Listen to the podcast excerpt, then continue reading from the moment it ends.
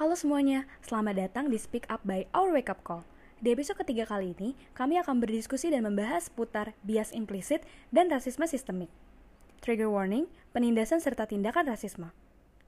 Kalau kamu ingin menyampaikan koreksi, kritik, dan saran, kami akan sangat senang menerimanya. Kamu bisa langsung kontak kami di Instagram at Call. Terima kasih.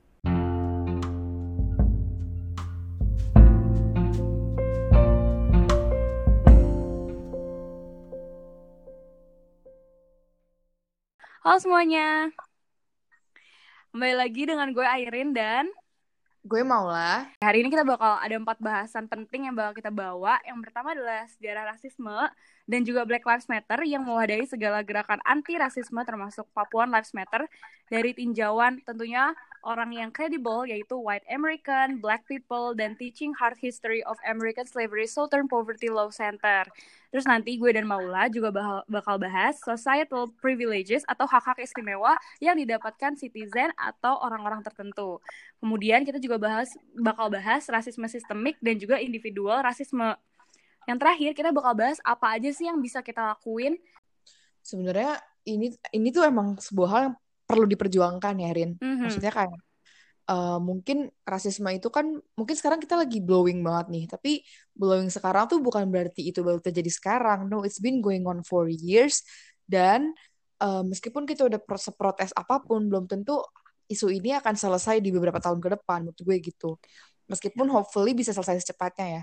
Tapi yang namanya rasisme itu yang bener yang gue bilang, karena ini tuh isu yang sangat apa ya sebenarnya kompleks kayak bahkan banyak orang yang rasis tapi nggak sadar kalau mereka tuh rasis gitu loh Rin Iya, jadi iya. emang perihal ini harus selalu terus disuarakan gitu sih jadi pertama-tama paling pertamanya ini tuh gerakan Black Lives Matter ini tuh. Isu ini Black Lives Matter ini kembali menjadi hangat dan kembali diperjuangkan secara intens gitu maksud gue.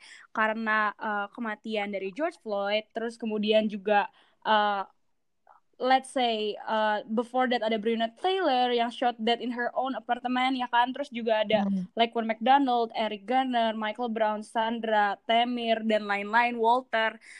Muncul di bulan Juli tanggal 13 Juli tahun 2013 berarti udah udah tujuh tahun yang lalu nih. ya mungkin orang-orang banyak mengira kalau Black Lives Matter ini cuma uh, pergerakan yang untuk uh, targetnya tuh cuma untuk African American community doang, padahal tuh enggak.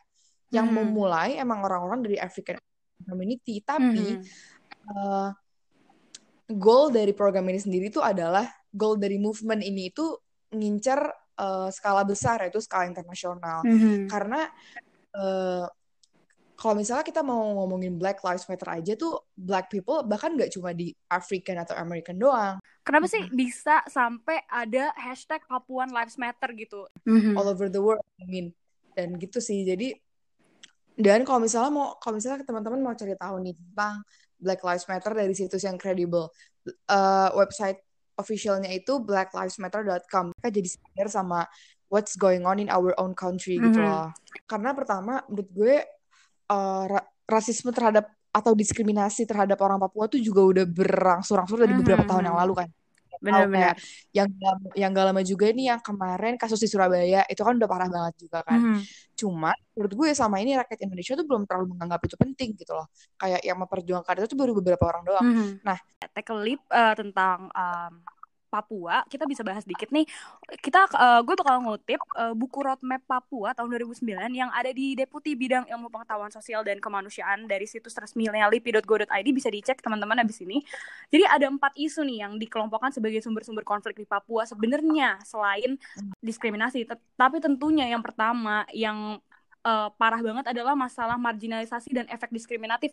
Dan ini bener Hmm. juga mau sama kayak yang di Amerika. Mungkin before 2013 tuh udah banyak banget. Cuma mungkin gerakan yang diinisiasi sama orang African American yang bener-bener besar seperti Black Lives Matter itu uh, kayak gerakan milenial baru untuk meneruskan apa yang udah dikerjakan sebelum-sebelumnya gitu loh. Dan Hmm. untuk Papua sendiri ini selain marginalisasi dari tahun 1970 juga ada isu lain sebenarnya. Itu kegagalan pembangunan juga di bidang pendidikan, kesehatan sama pemberdayaan ekonomi masyarakat. Terus masalah Hmm. ketiganya juga ada kontradiksi sejarah dan konstruksi identitas politik antara Papua dan Jakarta dan ini kita udah tahu banget lah ya kesenjangan Iya, ini gitu. Bener-bener. Dan ini tuh terjadi di black di all over the world juga. Sebenarnya bukan cuma karena Bener. warna kulit. Lu setuju gak sih kalau rasisme it's more than just skin color gitu? yang pasti itu dari skin color itu kan sudah keluar Mhm. prejudice sendiri kan Iya. udah keluar stereotip tersendiri menurut gue itu yang lebih merusak daripada Mhm. skin color sendiri ketimpangan eh, Indonesia itu Mhm. ketimpangan itu terutama di bagian timur Iya. ya seperti Maluku Papua itu tuh benar kerasa banget dan itu tuh nggak cuma aspek-aspek kayak racial discrimination Mhm. doang tapi kan dari aspek pembangunan ekonomi itu sebenarnya kerasa banget sih. Tentunya dari kesenjangan yang ada ini, yang bikin ini semua begini tuh stereotip kita sendiri terhadap orang-orang ya, people of color gitu loh maksud gue selain kita diajarkan untuk membenci, untuk mendiskriminasi, untuk menindas, itu juga terjadi karena sistem yang ada gitu terhadap mereka. Dan tentunya isu yang terakhir ini uh, sama beratnya dan menurut gue ini juga apply di Indonesia banget sih, khususnya di Indonesia ya, yaitu pertanggungjawaban atas kekerasan dan pelanggaran HAM di Papua. Dan ini kita tahu sampai hari ini belum juga terselesa- terselesaikan nih. Sebuah testimoni dari Black uh, White and Black American kali ya, mau ya biar valid kali ya. Oke, jadi gue sekarang gue bakal bahas tiga generasi dari rasisme di Amerika yang uh, teman-teman sebe- mungkin sebelum lanjut atau nanti mau nonton uh, video ini boleh banget dicek di @mylifeasiva di Instagram yaitu Iva Gutowski. Jadi Iva Gutowski ini adalah uh, seorang youtuber yang telah melakukan uh, wawancara yang intim gitu terhadap Black yang benar-benar mengalami dan dia juga melakukan uh, penelitian dalam tentang rasisme di Amerika dan tentunya untuk memvalidasi memvalidasi datanya Iva, kita, gue dan Maula juga akan membahas tentang Teaching Hard History of American Slavery, Southern Hmm. Poverty by Law uh, by Poverty Law Center. Nah, sekarang gue bakal bahas tiga generasi secara sederhana aja ya. Jadi tiga generasi rasisme di Amerika ini diawali j- zaman dulu banget di Amerika itu gak semua tapi beberapa golongan khususnya white di Amerika nggak semua ini uh, mengimpor ibaratnya mengimpor manusia gitu mau mengimpor uh, kulit Iya, hitam untuk menjadi slave atau menjadi budak dan ini it has been going on for years dari mungkin dari kita bisa bilang dari 1526 sampai 1000 eh, sampai 1700 berarti sekitar 3 330 300 ta- 330 tahunan lah ya. Nah, American slavery Iya. ini terjadi di Amerika. They fought for their rights dengan darah, keringat, um, air mata. Pokoknya mereka fought for this dan akhirnya Declaration of Independence, Declaration of Human Rights dari Alexander uh, American slavery ini berhasil di-abolish atau berhasil dipunahkan. Nah, tentunya dengan dengan banyak darah, keringat dan lain-lain juga dengan gerakan contohnya dari The Great terus juga dari Abraham Lincoln. Cuma tentunya rasisme itu nggak bisa diselesaikan dengan semudah itu karena uh, slavery ini selesai tentunya ada turun level lah tapi tetap aja bentuknya tetap parah yaitu segregasi sosial segregasi yang terjadi di kehidupan Hmm. sehari-hari nah kalau di Indonesia nih mau kita ke dominan di sekolah kita gitu ya nah kemudian ada seseorang yang mungkin unik gitu atau berbeda dari kebanyakan orang tentunya itu akan dilihat sebagai oh dia beda gitu kan cuma sekarang pandangan lo Iya. terhadap dia itu mau gimana sesimpel ini sih kalau misalnya lo ngelihat or- lo punya teman dari suku lain Mhm. atau suku yang bisa dibilang minoritas di Indonesia Mhm. ya lo simple mikir dengan gue kenal sama dia gue akan banyak belajar dari Mhm. dia karena adanya perbedaan latar belakang Mhm. perbedaan budaya perbedaan eh ya perbedaan pengalaman dan segala macam itu tuh pasti kalau misalnya if, you want to look at it in the positive way Mhm. we can learn so much from that tapi sebaliknya kalau misalnya kita ngelihat orang beda itu sebagai orang yang aneh sebagai orang yang strange peculiar gitu ya Mhm. istilahnya itu cuma kalau misalnya we put our negative mind on that itu cuma bakal merusak kita juga ujung-ujungnya. Yep. Dan permasalahannya di sini adalah uh, mungkin untuk uh, khususnya untuk di Amerika gitu ya. Uh, mereka tuh udah diajarkan atau mereka udah terbiasa dengan posisi uh, orang-orang kulit hitam pada masa tersebut sebagai budak dan tiba-tiba mereka berbaur dalam masyarakat. Bayangin mau lo Hmm. udah terbiasa dengan sebuah sistem gitu terus tiba-tiba sistemnya dirubah dan orang-orang uh, kulit hitam ini akhirnya bisa beli tiket yang sama dengan lo di pesawat, nonton film yang sama, tentunya mereka akan merasa nggak bisa gitu. Dan tentunya nggak semuanya ya dan mau dan segregasi sosial ini terjadi dan tentunya di Indonesia juga. Kayak contoh segregasi sosial di Indonesia adalah dulu ada sekolah ya mau ya sekolah-sekolah yang emang uh, sekolah yang mengkotak-kotakan gitu. Contohnya kayak kalau lo anak ningrat lo sekolahnya uh, di sini gitu-gitu. Dan ini terjadi Hmm, di. Amerika yaitu sekolah khusus kulit hitam tempat khusus kulit hitam dan ini nggak baik gitu. Makanya orang-orang lagi-lagi berusaha uh, lagi-lagi mengulang proses bahwa ini nggak benar oke gue bakal gue bakal protes gue bakal memperjuangkan hak gue dan akhirnya segregasi ini berhasil di abolish walaupun nggak semuanya. Dan segregasi ini juga terjadi lama banget yaitu sekitar 80 80 sampai 90 tahunan. Nah, segregasi ter Wow. segregasi tentunya nggak selesai sampai situ. Rasisme masih ada sampai hari ini yang kita bisa tahu gitu ya. Beberapa orang menganggap ini uh, topik yang sensitif. Kenapa sih orang bisa menganggap topik ini sensitif khususnya di negara kita gitu? Menurut gue karena orang-orang memiliki pandangan yang sangat berbeda terhadap rasisme itu sendiri. Hmm. Gitu loh. Kayak kita bahkan punya standar yang berbeda-beda, Yep. ngerti gak sih? Misalnya nih, gue pakai contoh yang sangat common di our society, saying the N-word, Mhm. As simple as that. Mhm. Ini kalau ingin gue korelasikan, kalau nggak salah tuh N-word itu panggilan orang Amerika ke orang Afrika yang menjadi budak saat itu ya, Rin. Mhm. Pas Iya. masa slavery itu mereka dipanggil dengan sebutan N-word ini kan. Makanya sebutan N-word itu sangat sensitif bagi black people. Kenapa? Mhm. Karena ini ini kaitannya dengan sejarah. Mhm. Mereka dulu dipanggil N-word saat situasi mereka jadi budak. Mhm. Of course, it's offending gitu Mhm. loh. Dan menurut gue kenapa rasisme sensitif untuk di, untuk dipertanyakan karena kalau misalnya nih gue ngeliat teman-teman gue yang ngomong N-word dan gue ngingetin mereka aja, mereka pasti marah Mhm. sama gue. Kenapa? Karena untuk mereka itu nggak Mhm. rasis. Jadi menurut gue akarnya adalah pemahaman kita terhadap Betul rasisme sendiri itu sekali. belum belum satu gitu loh, belum belum sepadan semuanya gitu loh maksud menurut gue. Gue melihat ini juga seperti hal yang tabu gitu ya, mau kalau di Indonesia mungkin hal yang tabu di Indonesia adalah contohnya kalau misalkan lo memberi sesuatu dengan tangan kiri, tapi memberi sesuatu dengan tangan kanan itu adalah hal yang benar, which is bagus gitu, sopan gitu ya. Mungkin di negara lain, let's say Amerika, doesn't it, matter, it ya doesn't nggak sih? matter. Dan makanya itu menurut gue Hmm. analoginya tuh kayak gitu kayak hal yang tabu dibahas gitu. Jadi bukan pemahaman doang, tapi kita harus mengubah cara pandang kita dalam melihat uh, apa topik ini gitu. Karena sekarang kita Hmm. lagi ada di pandemi COVID-19. Semua orang di seluruh dunia harus aware, harus educated tentang COVID-19. Tapi gue melihat rasisme juga merupakan topik yang sebenarnya semua orang harus edu well educated gitu loh. Well educated Iya. gak harus tahu yang kayak bener-bener belajar banget historinya. At least tahu dan tahu kenapa it's wrong to do that to Hmm. someone gitu. Gue nggak setuju kalau misalkan dibilang ini topik yang sensitif. Kalau menurut lo gimana? Gue juga nggak, gue nggak setuju Mhm. lah. Karena kalau misalnya kita aja masih memandang memandang topik ini sebagai topik sensitif, ini makan ini ba- bakalan makin gak diomongin sama Mhm, orang-orang, mhm, ngerti mhm. nggak sih?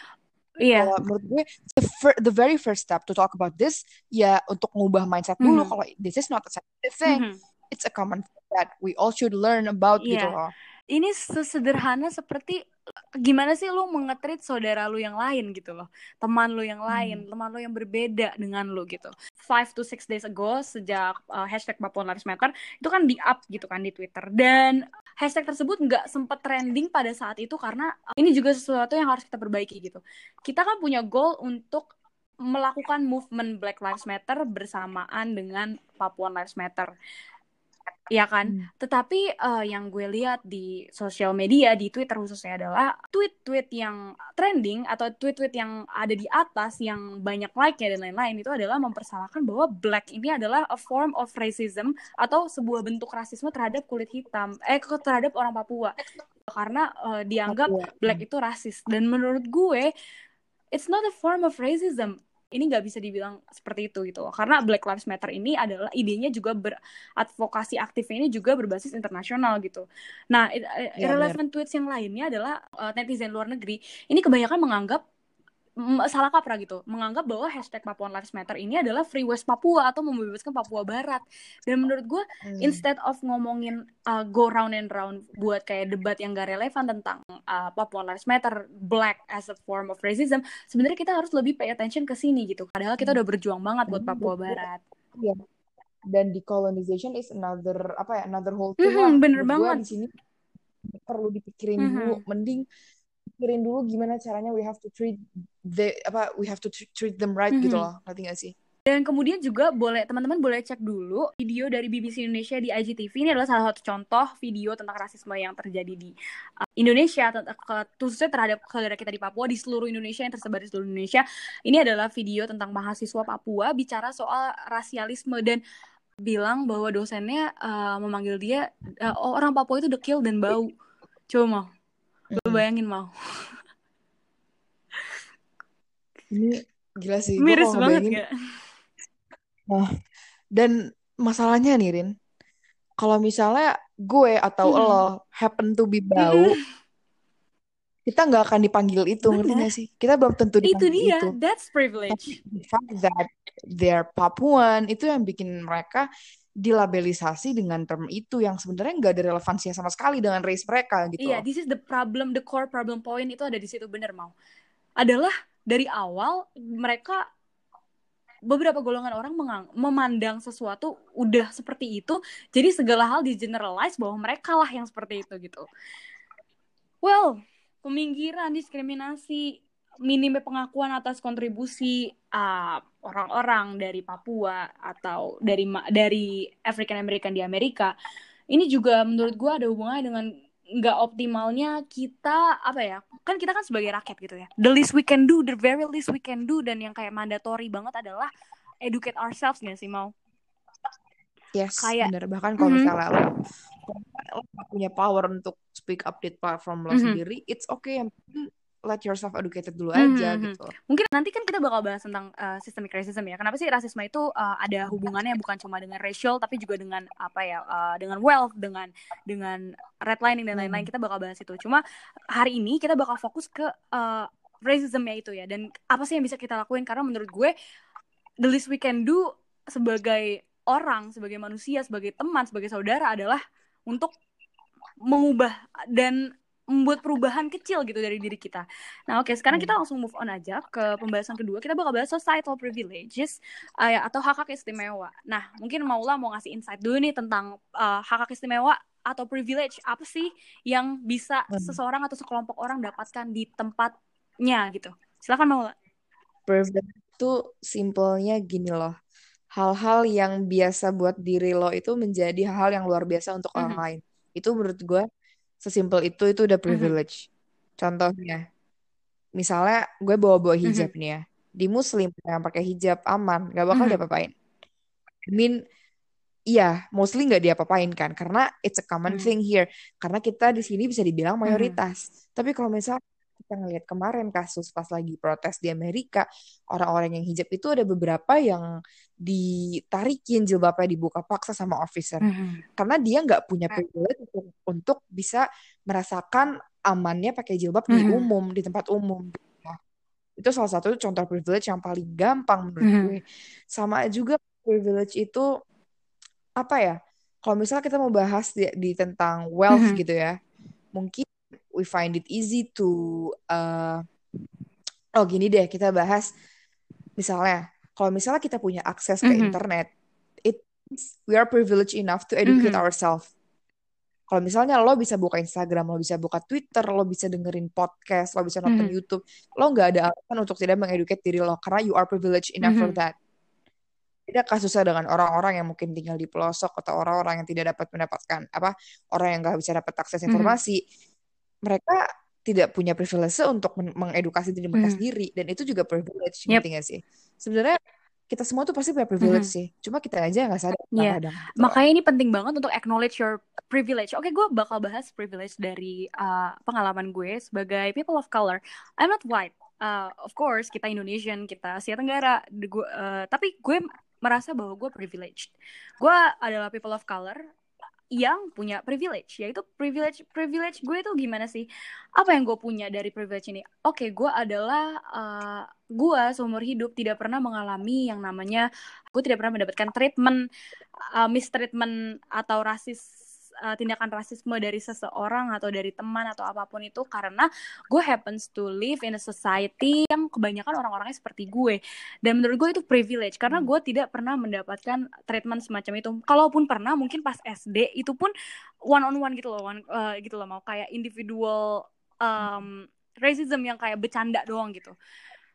I've been through Iya, that benar. gitu dan sebenarnya sesimpel juga lo dan gue coba Maula dan gue pasti nggak pernah yang namanya dikeluarin dari mass area kayak mall. Pernah nggak lo di iya kan? Iya. dan gue ngeliat video beberapa hari lalu di Instagram juga eh, bukan video eh, sebuah thread bahwa ada seorang supir eh, mobil online yang dius yang nggak pernah masuk mall karena diusir karena warna kulitnya dan juga dipanggil eh, sebagai maaf banget eh, satu satu hewan yang menurut gue nggak pantas untuk disebut disebut gitu mau. Kayak nggak pantas untuk dipanggil ke seseorang gitu. Dan beliau nggak pernah masuk ke dalam mall karena hal tersebut that's privilege. Iya.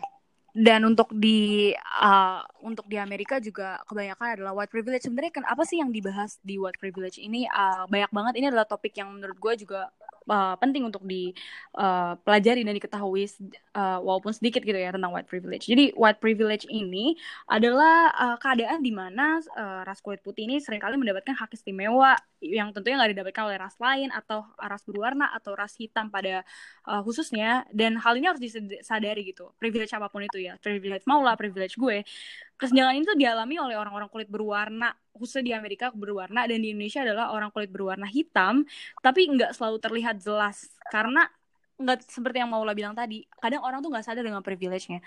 Dan privilege ini uh, dan privilege ini nggak harus dimiliki uh, oleh kulit putih doang tadi seperti yang kita bilang. Dan juga tentunya mengalami rasisme ini bukan kulit hitam doang tapi hari ini kita akan fokus ke Black Lives Matter gitu ya. Dan uh, tentunya yes. uh, gue juga mau mengutip uh, testimoni harus dari orang yang benar-benar mengalami white privilege ini. Gue akan mengutip kata-kata dari Harry Broad uh, beliau uh, berkata eh, ya gue yang kira-kira intinya kita nggak bisa nyerah gitu dengan kesenjangan hak istimewa karena itu adalah sesuatu yang diberikan masyarakat kepada saya dan kecuali saya mengubah institusi yang memberikan kepada saya maka mereka akan terus memberikannya dan saya akan terus memilikinya. Jadi itulah maksudnya kita berdua gitu ya. Penting untuk mengetahui privilege kita adalah karena ini adalah sebuah sistem. Kalau lo nggak sendiri nggak sadar itu nggak akan bisa dirubah gitu. Iya benar. Mm -hmm.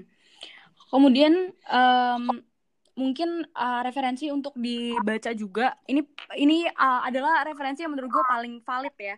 Yang pertama Understanding White Privilege. Ini ditulis tahun 2002 oleh Francis E. Kendall, PhD.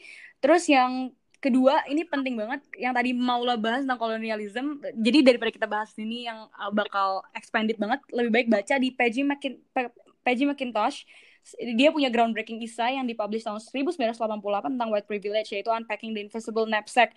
Dan menurut gue ini penting banget mau karena di situ dibahas tentang slavery yang tadi kita udah bahas tentang perbudakan dan juga dibahas tentang kolonialisme yang tadi Maula bahas. Yang intinya adalah sebenarnya uh, menurut Peggy McIntosh ini uh, white privilege datang dari uh, privilege yang didapatkan oleh orang-orang kulit putih di Eropa pada masa kolonialisme gitu. Yap, karena emang semuanya pasti balik lagi ke sejarah. Iya bener banget. Dan menurut gue, we're going to be a part of history too. That's why kita nggak bisa berhenti di sini. Hmm. Gue bakal uh, membuat anal uh, membuat uh, situasi sederhana yang akan menjelaskan uh, tentang rasisme sistemik secara simple, yaitu dengan membahas tentang redlining. Jadi, menurut gue kayak kalau misalnya if we already acknowledge our mm -hmm. privilege itu dengan kita tahu privilege kita apa, kita akan lebih bisa menghargai orang lain mm -hmm. juga nih menurut gue. Mm -hmm. Ya kan, simple aja lah. Misalnya, misalnya gue, uh, gue, gue melihat seseorang yang yang tidak melakukan suatu hal yang gue mm -hmm. lakukan, instead of ngata-ngatain dia mm -hmm. atau mengkritik dia, gue jadi berpikir, oh mungkin dia nggak punya privilege yang sama dengan mm -hmm. gue, dia nggak dapat kesempatan sama dia nggak punya kapabilitas untuk melakukan apa yang gue lakukan mm -hmm. dan ini tuh bisa lebih banyak banget hal mm -hmm. gitu loh jadi garis besar tuh kayak gitu sih Oke, okay. thank you Maula. Dan sekarang kita akan bahas tentang rasisme sistemik. Kenapa sih rasisme itu? Kenapa gue dan Maula percaya bahwa rasisme itu lebih dari sekedar warna kulit, lebih dari sekedar, sekedar tentang racial, ini karena uh, kita bakal bahas mungkin dari Amerika, kemudian kita akan bahas tentang Papua. Kita akan fokus di dua tempat tersebut karena uh, kita akan fokus terhadap apa yang sedang intens di uh, dunia kita sekarang gitu ya mau. Ini lebih dari sekedar warna kulit dan juga racial matters. Jadi systemic racism ini terjadi karena adanya pengkotakan atau diskriminasi yang berawal dari sebuah sejarah. Redlining ini terjadi secara uh, menyebar gitu. Contohnya apa sih rasisme sistemik di Amerika? Kalau contoh di Amerika, Black Americans itu diklaim 30% lebih berpotensi untuk ditepikan polisi. Ini via Brookings oh, Institute. Oh, it makes no sense aja sih sebenarnya. Mm -hmm. Karena sebenarnya gimana ya? Gak, ini nggak cuma George Floyd dong yang mm -hmm. pernah mengalami hal seperti ini, tapi banget kayak another contoh tuh kayak misalnya they cannot wear their hoodie at night. Oh ya, yeah, I see. Karena banget kasus orang-orang um, black yang happen to wear their Mhm. hoodies at night ketika mereka lagi mau pergi ke minimarket atau Mhm. ke mana. Gue lupa ada pokoknya ini kasus yang benar, tapi gue lupa banget namanya siapa. Eh ya udah dia literally ke 7-Eleven pakai hoodie doang ini nutup pokoknya nggak kelihatan ditembak meninggal. Kemudian juga ada Hmm. pria kulit putih merupakan sekitar 43% dari angkatan kerja dan mereka memegang 95% posisi manajemen senior di industri Amerika. Ini dari ini tentunya ini Hmm, statistik ya, ini statistik yang bisa berubah-berubah dan tentunya akan berbeda-beda dari tiap sumber, tapi ini gue ambil dari Glass Ceiling Commission yang juga mengklaim bahwa wanita kulit putih memegang sekitar 40% dari posisi manajemen menengah, sementara wanita kulit hitam hanya memegang 5% dan pria kulit hitam memegang 4%. Tentunya sistem ini bisa uh, tentunya statistik ini bisa berubah throughout the years dan lain-lain, tapi sampai hari ini juga kita ketahui bahwa kesenjangan sosial ini nyata karena udah terjadi segregasi Hmm. yang bertahun-tahun lamanya di Amerika. Sedangkan kalau untuk di negara kita sendiri Hmm. tuh kayak gimana sih? Gimana dengan Papua gitu? Jadi uh, yang gue bisa tangkap dari buku ini akar masalahnya itu kan bukan cuma racial doang kan mau, tetapi di sini kan ini adalah kita kita sekarang sedang berdiskusi dan juga membahas tentang the least we can do gitu. Karena menurut gue hal ini tuh nggak akan diselesaikan seperti yang lo bilang nggak bisa selesai dengan waktu sekejap dan rasisme itu akan terus-terusan terjadi gitu loh. Jadi kayak dari peminggiran, diskriminasi dan segala uh, baik dari aspek ekonomi, pembangunan dan lain-lain. Why don't we start from ourselves gitu nggak sih mau? Dari Benar. youth gitu, dari generasi kita gitu. So that kayak perjuangan nenek moyang kita dulu itu bisa kita lanjutin dan memang sebenarnya mandatori untuk kita lanjutin walaupun formnya beda bukan Hmm. dengan darah but there's something that is not finished edukasi, edukasi itu paling gampang Mhm, sebenarnya. bener-bener Dan kayak eh, kita juga nggak lama lagi bakal ada generasi baru. And it's our job to educate them. Jadi menurut gue untuk sekarang tuh bisa kita lakukan adalah pertama preventif dulu Mhm. sih. Preventif kalau misalnya kita udah kita ada adik, kita punya adik atau keponakan yang baru lahir yang masih kecil, diajarin dari sekarang kalau orang yang berbeda tuh ya nggak apa-apa. dan mhm. It's not a stupid thing. yeah It's good to be it's different. good to be different I mean kalau kalau apa ya kayak perbedaan ini tuh perbedaan ini tuh yang membuat lo stand out gitu loh sebagai lo dan orang Hmm. lain gitu kayak makanya karena proses integrasi politik ekonomi dan sosial budaya kita ini belum tuntas terus siklus kekerasan politik juga belum bisa ditangani pelanggaran ham juga belum bisa diselesain khususnya kasus Hmm. yang tadi lo banyak bahas ya eh, apa Surabaya Wasior Wamena Paniai perlakuan harian yang matters perlakuan harian yang penting Nah, sekarang langsung aja kita bahas apa sih yang bisa kita lakuin terhadap rasisme sistemik ini yang yang terjadi ini. Well, um, Maula you can start. Oke, menurut gue ini gue mulai dari hal yang paling Oke. kecil aja nih ya.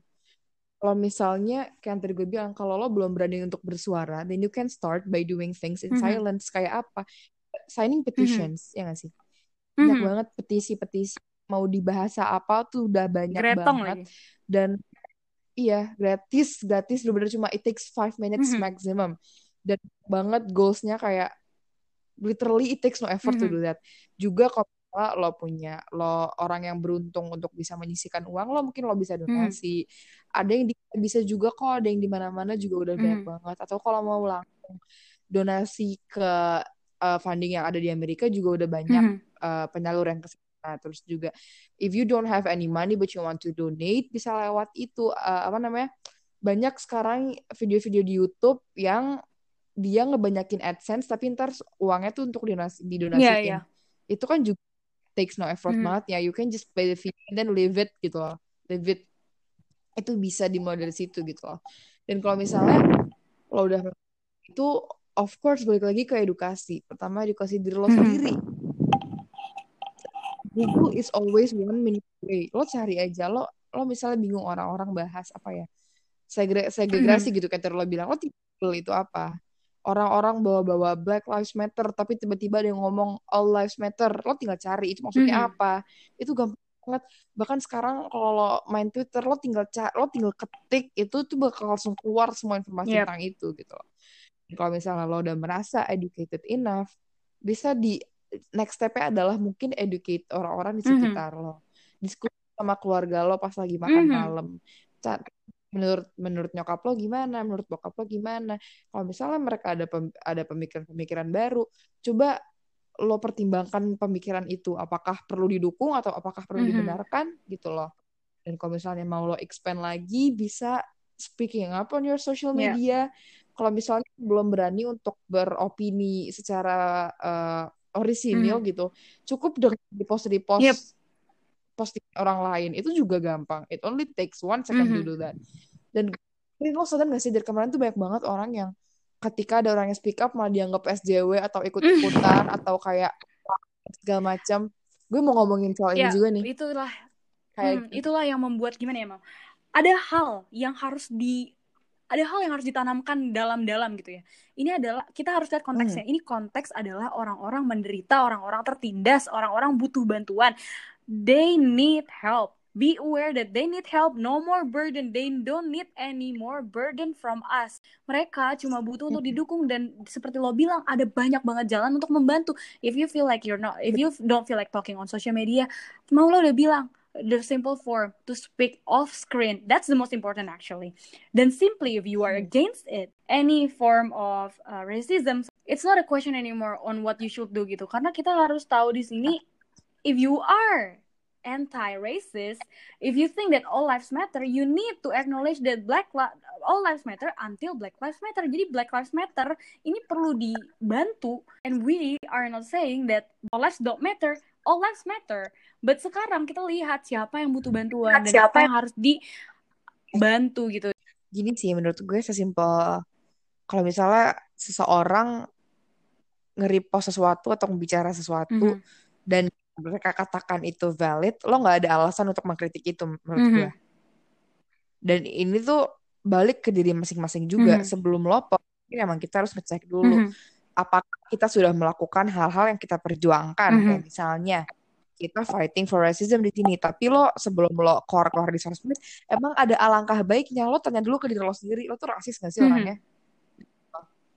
Kayak misalnya ya gue pernah gue sering banget ngomong ini ke teman-teman tapi kalau misalnya lo selama ini masih teriak-teriak n word lo nggak usah ngomongin ginian diem aja mm-hmm. ngerti gak sih yeah, yeah. you are validating your own opinion dan ini sama tapi kalau misalnya seseorang yang awalnya emang tidak apa ya emang not resist to begin mm-hmm. with dia coba untuk speak up dan lo bilang dia SJW lo bilang dia ikut-ikutan lo bilang dia banyak gaya mm-hmm. itu lo gitu sih yeah. karena you have no reason at this point apa ya untuk sekarang being silent is not the best option yeah. gitu loh gitu sih basically mm-hmm. and we have to acknowledge that black aesthetics. Black aesthetics tuh ada di mana-mana sekarang dan banyak banget yang in ya, dan banyak banget yang suka gitu loh. Dari dulu sih sebenarnya. Yeah, let's say rock funk blues hmm. R&B techno disco ya yeah, hip hop if you can enjoy it, if you can enjoy the black aesthetics, if you have someone yang lo stand di black atau enggak sama sekali, atau lo tak atau lo acknowledge bahwa banyak hero atau creature dari black karena mereka pernah karena mereka akhirnya dibebaskan, mereka akhirnya bisa berkreasi dan lo enjoy segala itu. It's not a question anymore. Lo harus apa tuh itu udah bukan pertanyaan lagi gitu.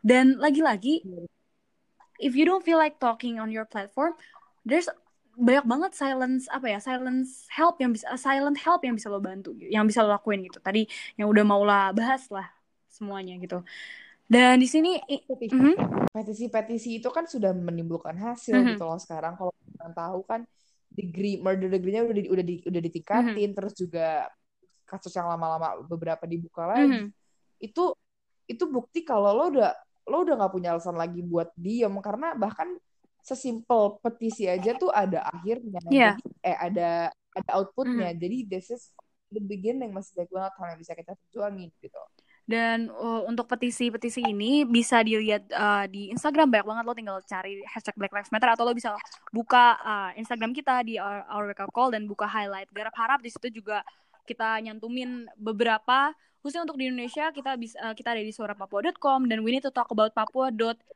C A R R R triple R ya d dot co slash. Ya. Dan stay updated gak sih di iya, Twitter? Yeah, terus uh, validasi juga petisi-petisi yang mau tanda tangan. Mm. itu gampang banget cuma masukin nama lo dan that you agree about the petition yang lo butuhin. Cuma all it takes is just for you to learn about the uh, petition dan juga cari routing problemnya. Karena di underground history of this all itu yang paling penting untuk lo bisa memahami uh, apa yang mereka rasakan di dalam sepatu mereka. Setuju. Well, um, any words Maula? Um, stay updated sih bener. Stay curious meskipun tetap it's Mhm. okay to take a little break sometimes karena emang jujur buat gue ini juga sangat overwhelming karena pasti Mhm. setiap jam, setiap hari ada aja info baru yang bikin Mhm. cemas, info baru yang bikin marah dan Mhm. wajar banget kalau di antara kita jadi overwhelming gara-gara ngikutin ini semua. Of course, iya. At least You can take a break. something, yeah, you can take a break. Mhm. Itu aja sih menurut gue. Jangan don't ever stop being curious about what's happening in the world karena eh, kalau misalnya kita nggak tahu undergroundnya kayak yang lo tadi bilang, kalau misalnya we don't Mhm. know the history behind it, belum tentu kita bisa menyiapkan the future for it gitu loh. Iya, inilah juga yang harus kita pahami betul bahwa uh, bias-bias implisit dan juga rasisme sistemik ini itu menggiring kita kepada kita yang hari ini. Pokoknya sejarah panjang tentang Hmm. ketidakadilan dalam bersosial dan apa ya uh, redlining yang termasuk ke dalamnya kesenjangan funding dan pembangunan masyarakat sejak dulu yang udah mempengaruhi kesehatan, pendidikan, lingkungan berbeda. Itu walaupun itu belum bisa diselesaikan hari ini, we can start from ourselves gitu loh untuk membuat membawa perubahan gitu. Em, Oke semuanya mungkin sampai sini aja kali ya. Semoga Mhm. apa yang kita omongin ke belakang tadi bisa eh, dijadiin pembelajaran bagi kita. Don't forget to reflect on ourselves juga. Tanya ke diri kita Ya. sendiri apakah kita sudah melakukan hal-hal yang tadi. Dan stay curious gitu sih. Oke, Oke. see you on our next episode semuanya. Jaga kesehatan terus. Stay Terima kasih Dan. Dadah, harap-harap. Bye. Bye.